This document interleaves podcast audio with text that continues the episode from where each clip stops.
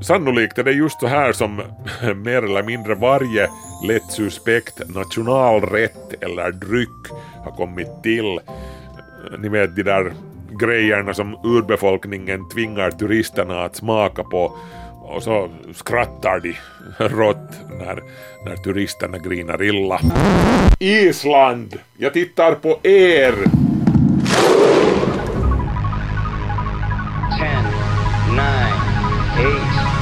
Ignition sequence start.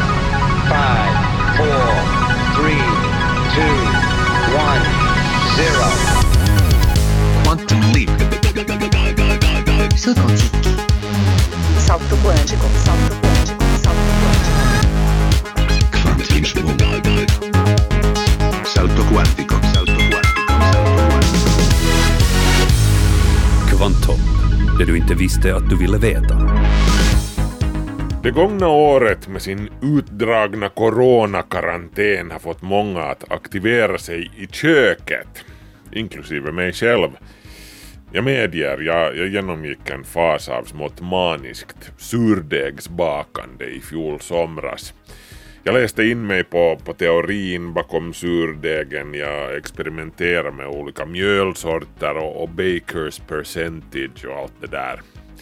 Och jag vårdade ömt min surdeg som om den vore en rar orkidé eller någonting. Fast något namn gav jag inte åt den. Jag menar, någonstans måste man ju dra strecket. Mm. Men nu är det ju lite magiskt, trots allt. Du, du blandar lite mjöl och vatten och så ställer du burken uppe på kylskåpet eller någonting och, och innan du vet ordet av börjar det bubbla och, och leva i burken. Det börjar jäsa. Den livlösa materian vaknar med ens till liv. Wingardium Leviosa! Vad är det för slags besvärjelser det här? Nå, det är ju gäst förstås. Gästen finns överallt. I luften omkring oss, på våra livsmedels yta, på oss. Domesticeringen av gästen är den överlägset viktigaste och äldsta formen av biologiskt partnerskap som vi människor någonsin har ingått med någon annan levande organism. Vi skulle inte finnas här idag utan gästsvamparna som bokstavligen ger oss vårt dagliga bröd, för att inte tala om vårt vin och vårt öl. Gästen har blivit till en integrerad och oskiljbar del av vårt kulturella arv. Det här avsnittet av Kvanthopp ska alltså handla om den anspråkslösa men otroligt mäktiga gästen som vi ännu har väldigt mycket kvar att lära oss om.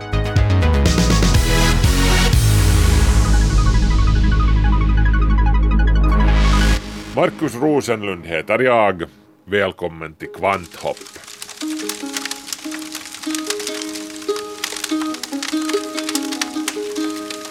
I begynnelsen tämjde människan elden och med en smaka maten så mycket bättre när man kunde steka köttet som jägarna kom hem med. Stekandet gjorde dessutom det lättare för våra kroppar att bryta ner proteinerna i födan, vilket påskyndade vår revolution och gjorde våra hjärnor större. Elden var med andra ord den första stora revolutionen i, i stenålderns kök. Men det är den andra revolutionen vi ska snacka om idag alltså.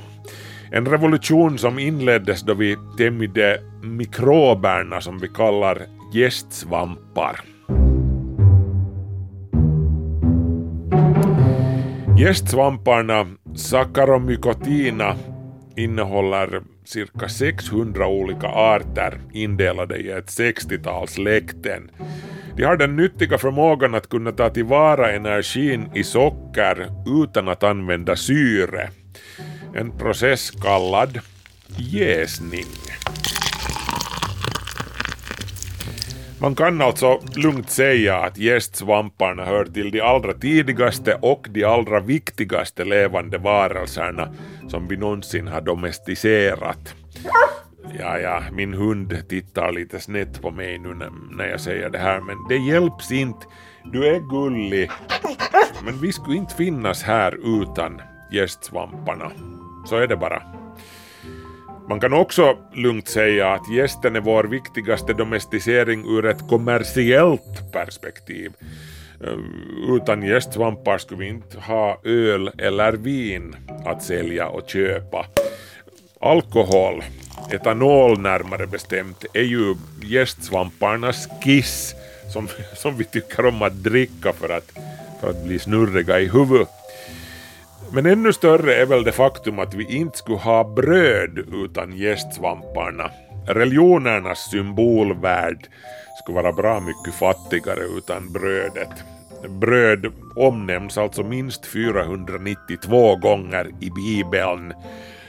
Fast okej okay då, brödet som omnämns i Bibeln var ju faktiskt ofta av den osyrade eller ojästa sorten. Men i alla fall, vårt dagliga bröd och så vidare.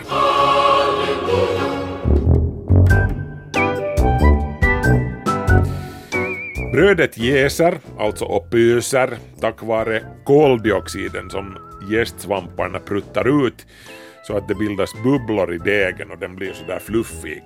Faktum är att ordet gäst kommer från den gamla indoeuropeiska ordstammen jas som betyder att koka, skumma eller bubbla. Men att baka bröd, det handlar alltså om mycket mer än bara volym. Degen som jäser är ett sätt att behandla spannmålskornets stärkelse och protein så att speciellt stärkelsen blir mer lätt tillgänglig för matsmältningsenzymerna i kroppen.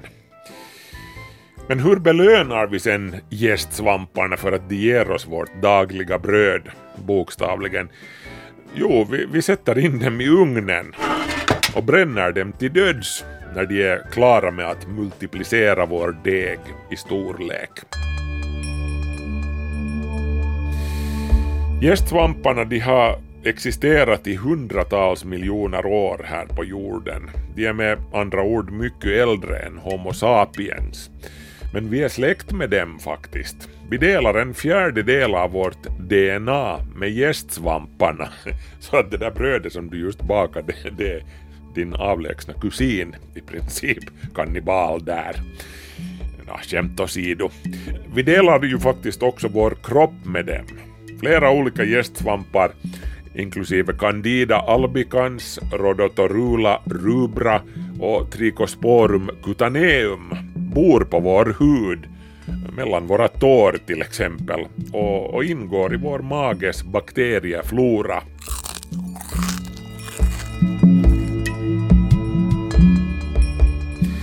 Men vad är de då för någonting? Jo, gäst är alltså små, små svampar, som namnet säger, gästsvampar, kanske fem mikrometer, fem miljondels meter tvärs över huvudsakligen encelliga svampar. Tumregeln är alltså att de, de gästsvampar som växer på fasta ytor kan bilda flercelliga grenade trådar eller hyfer, medan de som lever i vätskor helst trivs för sig själva som, som åtskilda, enskilda gästceller. Gästsvamparna förökar sig genom knoppning, vilket ser ut en aning som att modercellen blåser upp en ballong. Dottercellen då. Varje gästcell kan under sitt liv knoppa 20-30 nya identiskt lika celler som i sin tur sen kan knoppa av lika många nya och så vidare. Under gynnsamma förhållanden kan en startkultur på 10 milligram växa till 150 ton på bara en vecka. När vi snackar om gäst så är det värt att notera att ordet snarare beskriver en sorts livsstil än en separat grupp av organismer. De är inte liksom en taxonomisk kategori i stil med fåglar eller ryggradsdjur. Gäst är helt enkelt en mängd olika arter av svamp vissa besläktade, vissa inte, som har halkat in på samma sorts livsstil och, och liknande evolutionära banor under jordens historia på grund av samma sorts tryck från omgivningen. Konvergent evolution kallas det här, när olika arter utvecklas parallellt åt samma håll. Det här är ett av evolutionens dominerande återkommande teman.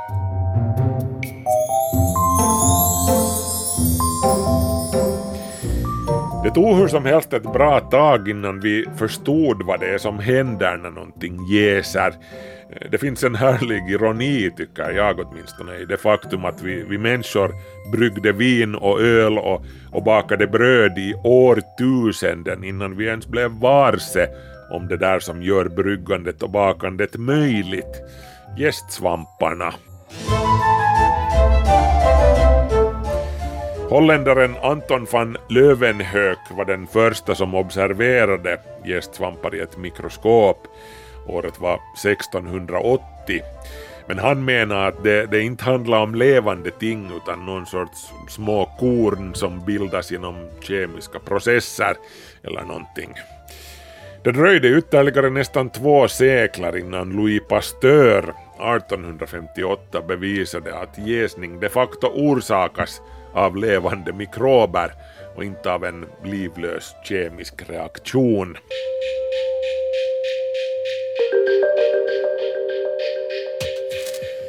Men när korsar sen våra och gästens vägar ursprungligen varandra, eller det vill säga gästen har ju alltid varit mitt bland oss, till och med på vår hud från första början. Men när skedde den här domesticeringen som jag pratade om? Ja, ingen vet väl det exakt. Bruket av gäst är ju liksom en, en sorts kontrollerad skämning med, med vänskapligt sinnade mikrober. Sannolikt har någon i urtidens dimmor gått och smakat på druvsaft eller motsvarande som har stått i ett krus lite för länge. Och sen har de märkt att det har vissa intressanta effekter.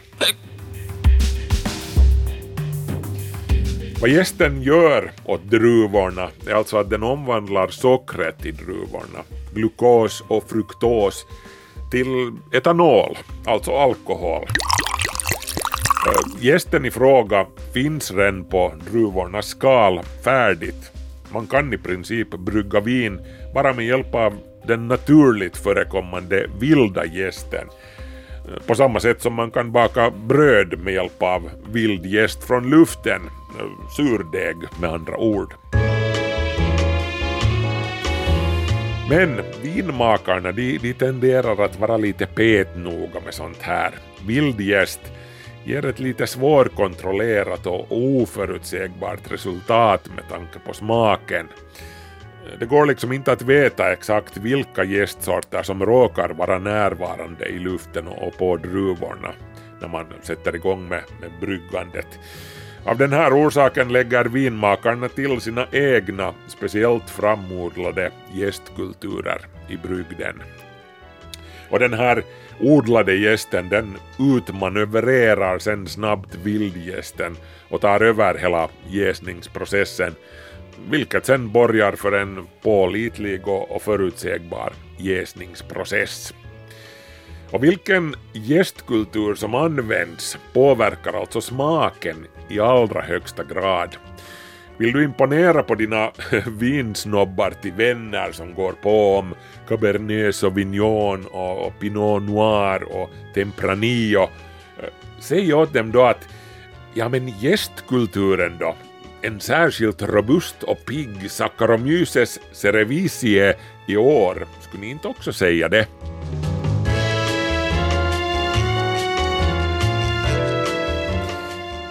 Ja, alltså de flesta gästkulturer som används av vinmakarna är Saccharomyces cerevisiae, men olika stammar av S. cerevisiae har lite olika fysiologiska egenskaper som ger upphov till nyansskillnader i jäsningsprocessen och därmed också i smaken. Eh, ja, sånt här kan man alltså sen dra till med om man vill imponera på vinkonnässörerna vid bordet.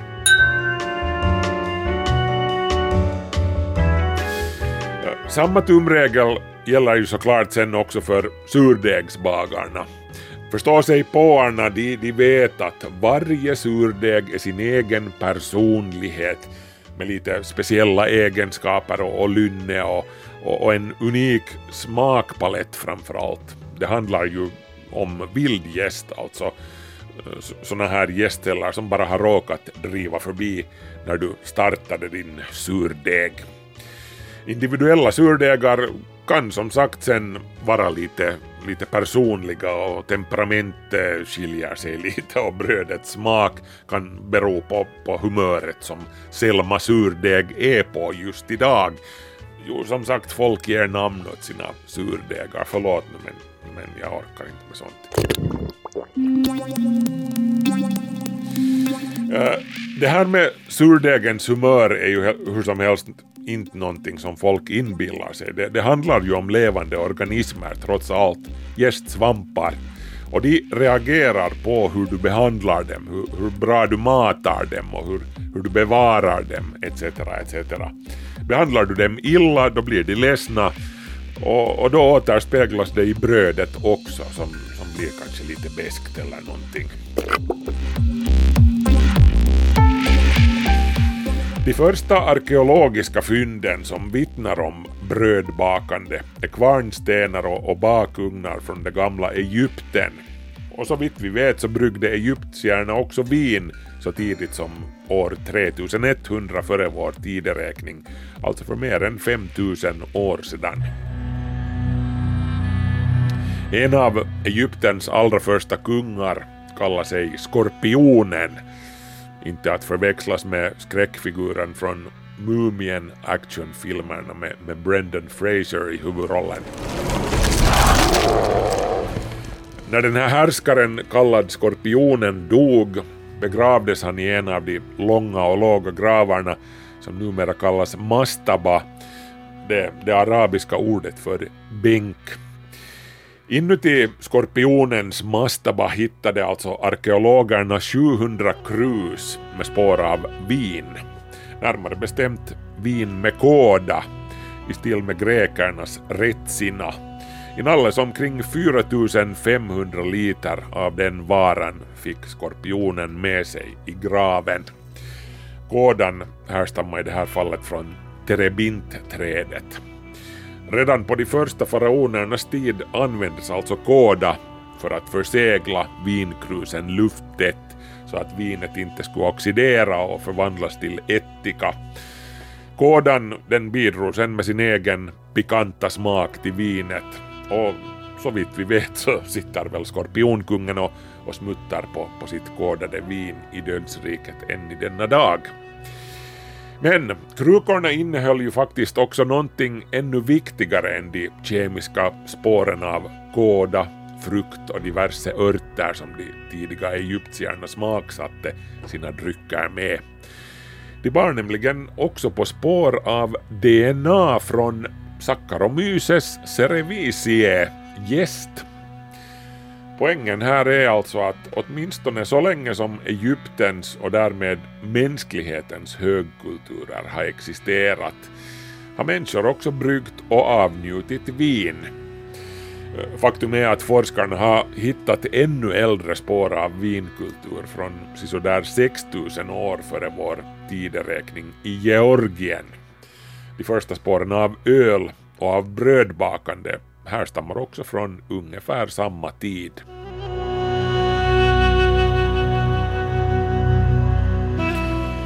Sannolikt upptäcktes gästens nytta för bakandet lite på samma sätt som, som då vinet uppfanns. Av misstag helt enkelt. Någon i det gamla Egypten lämnade en bunke med mjöl och vatten stående lite extra länge en varm dag och vips började jäsa och bubbla där. Och så visade det sig sen att det resulterande brödet var lite lättare och fluffigare och, och smakade lite bättre än den sedvanliga platta hårda brödkakan.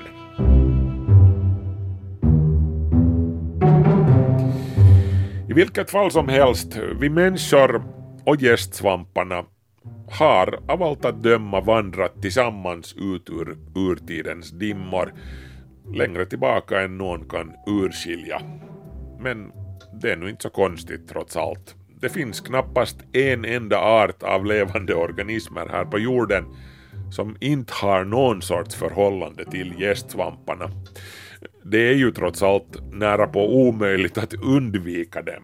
De, de svävar omkring i luften överallt mer eller mindre och återfinns på mer eller mindre samtliga ytor på planeten jorden, inklusive insidan av ditt kylskåp. Där kommer de sen att bilda små gräddfärgade kolonier om du inte är där och vräker dem med en trasa med jämna mellanrum. Varje sån här liten koloni innehåller minst en miljon gästceller. Fast okej, okay, ett paket kommersiell gäst som du köper från butiken, det innehåller i sin tur flera miljarder gästceller. Vilket som helst livsmedel som du lämnar stående lite för länge, och du vet säkert det här vid det här laget, kommer de vilda gästsvamparna att förvandla till sitt nästa projekt. Sannolikt är det just så här som mer eller mindre varje lätt suspekt nationalrätt eller dryck har kommit till.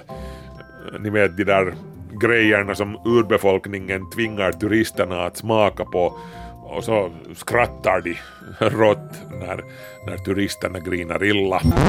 Island! Jag tittar på er! Som sagt, gästsvamparna är e ena baddare på att utvinna energi ur socker utan att, som vi, behöva använda syre till det. Som biprodukter av den här processen uppstår det alltså två saker. Koldioxid som får bröddegen att svälla och ölen att bubbla. Och, och sen som sagt alkoholen etanol som leder till eh, dålig karaokesång och att folk omkring en blir snyggare. How you doing? Bröddegen innehåller ju också till en början alkohol faktiskt, men spriten avdunstar i ugnen så, så brödet blir vi inte fulla av.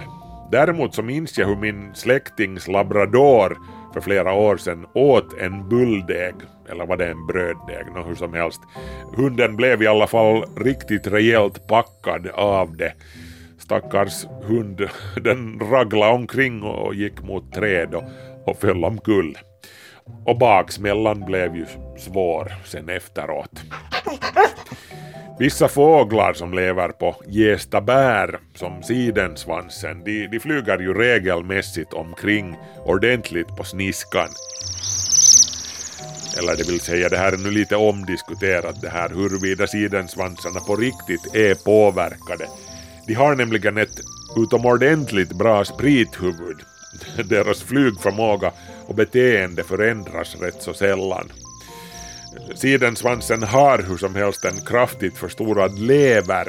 Nästan 10 procent av fågelns kroppsvikt är lever för att de bättre ska kunna handskas med de alkoholhaltiga rönnbärens bieffekter. Så vi människor är alltså ingalunda de enda ryggradsdjuren som har upptäckt jäsningens fröjder. Eller åtminstone lärt sig stå ut med jäst föda för fåglar har ett uselt lukt och smaksinne.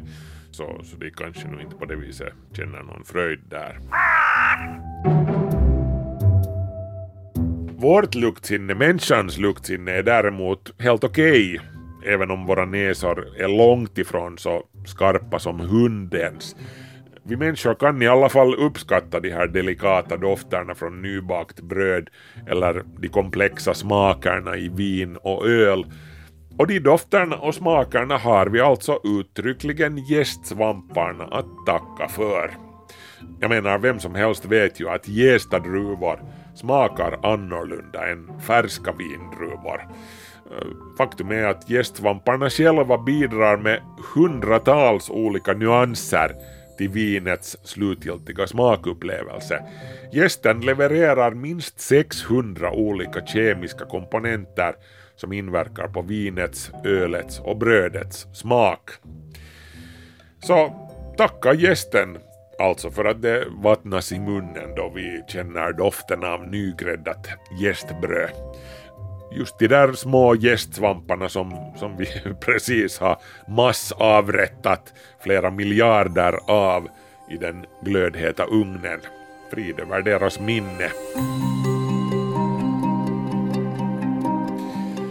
Som sagt, i årtusenden njöt människorna av de här smakerna och dofterna utan att veta ett jota om de biologiska processerna och den oundvikliga mikroskopiska massdöden som åstadkom dem.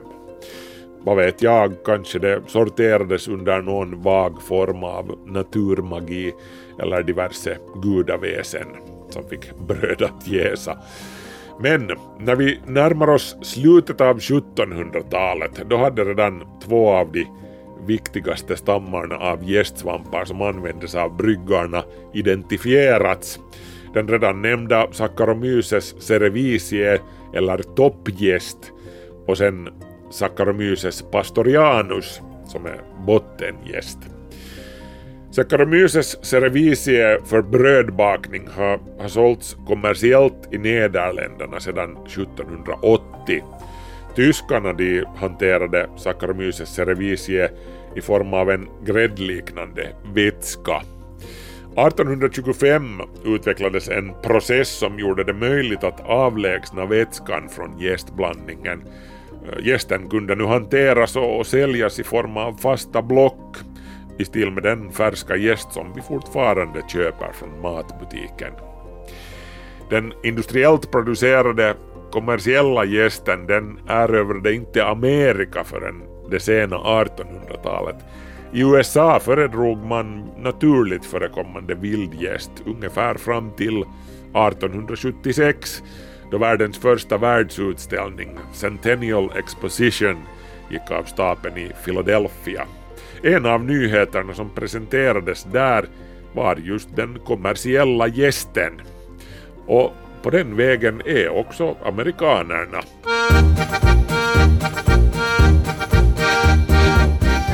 Innan det mekaniska kylskåpet gjorde sitt intåg, kylskåpet patenterades alltså först i Europa på 1850-talet, var öl och vinbryggandet en rätt så säsongsbunden syssla.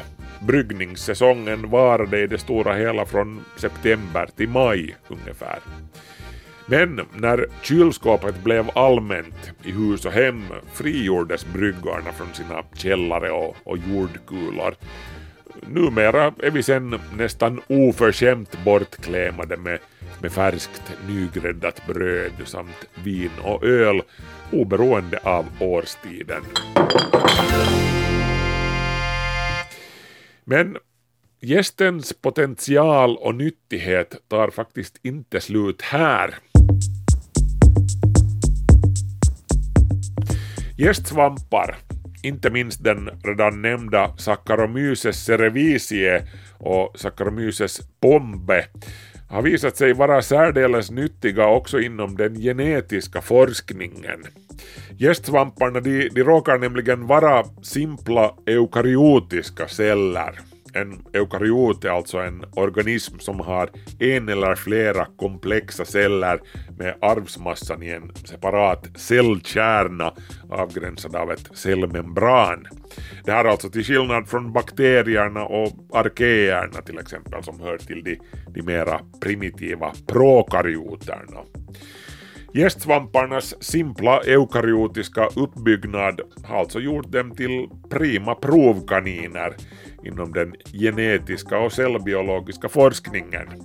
Det här omfattar studier av sådana grundläggande cellprocesser som DNA-kopiering, celldelning och metabolism.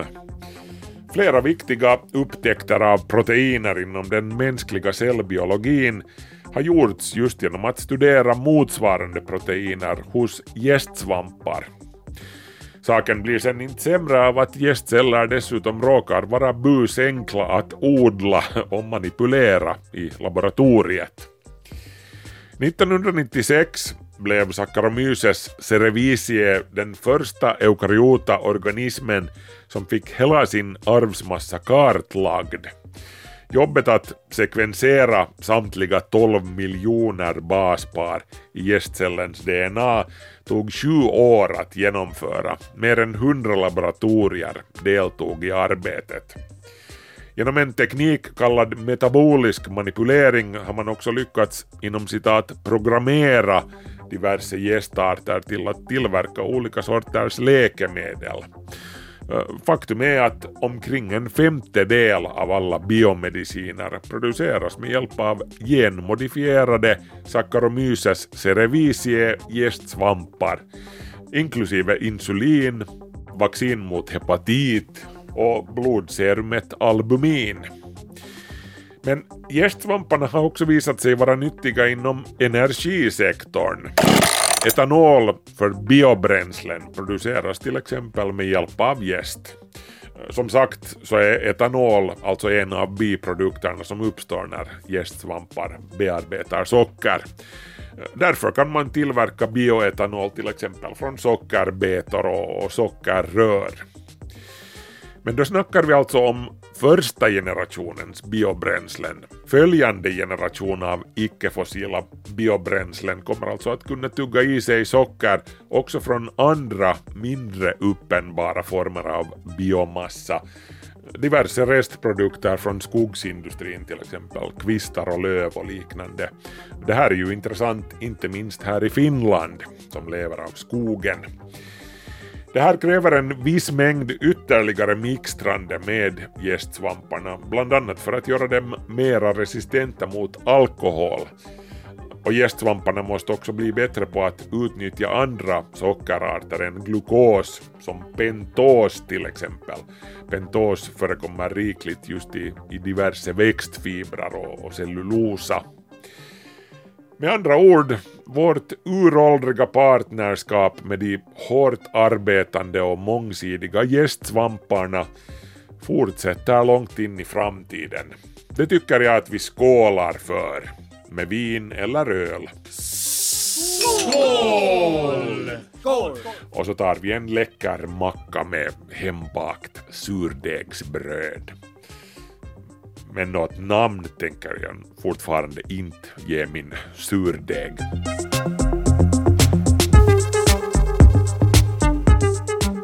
Då har det igen blivit dags att tacka för sällskapet för den här veckan. Nästa vecka är vi tillbaka. Ett nytt avsnitt av Kvanthopp hittar du på lördag, som alltid, på Yle Arenan. Och har du ärende så kan du skriva till kvanthoppsnabelayle.fi och passa också på att titta in på vår Facebook-sida. Markus Rosenlund säger nu tack och hej på återhörande.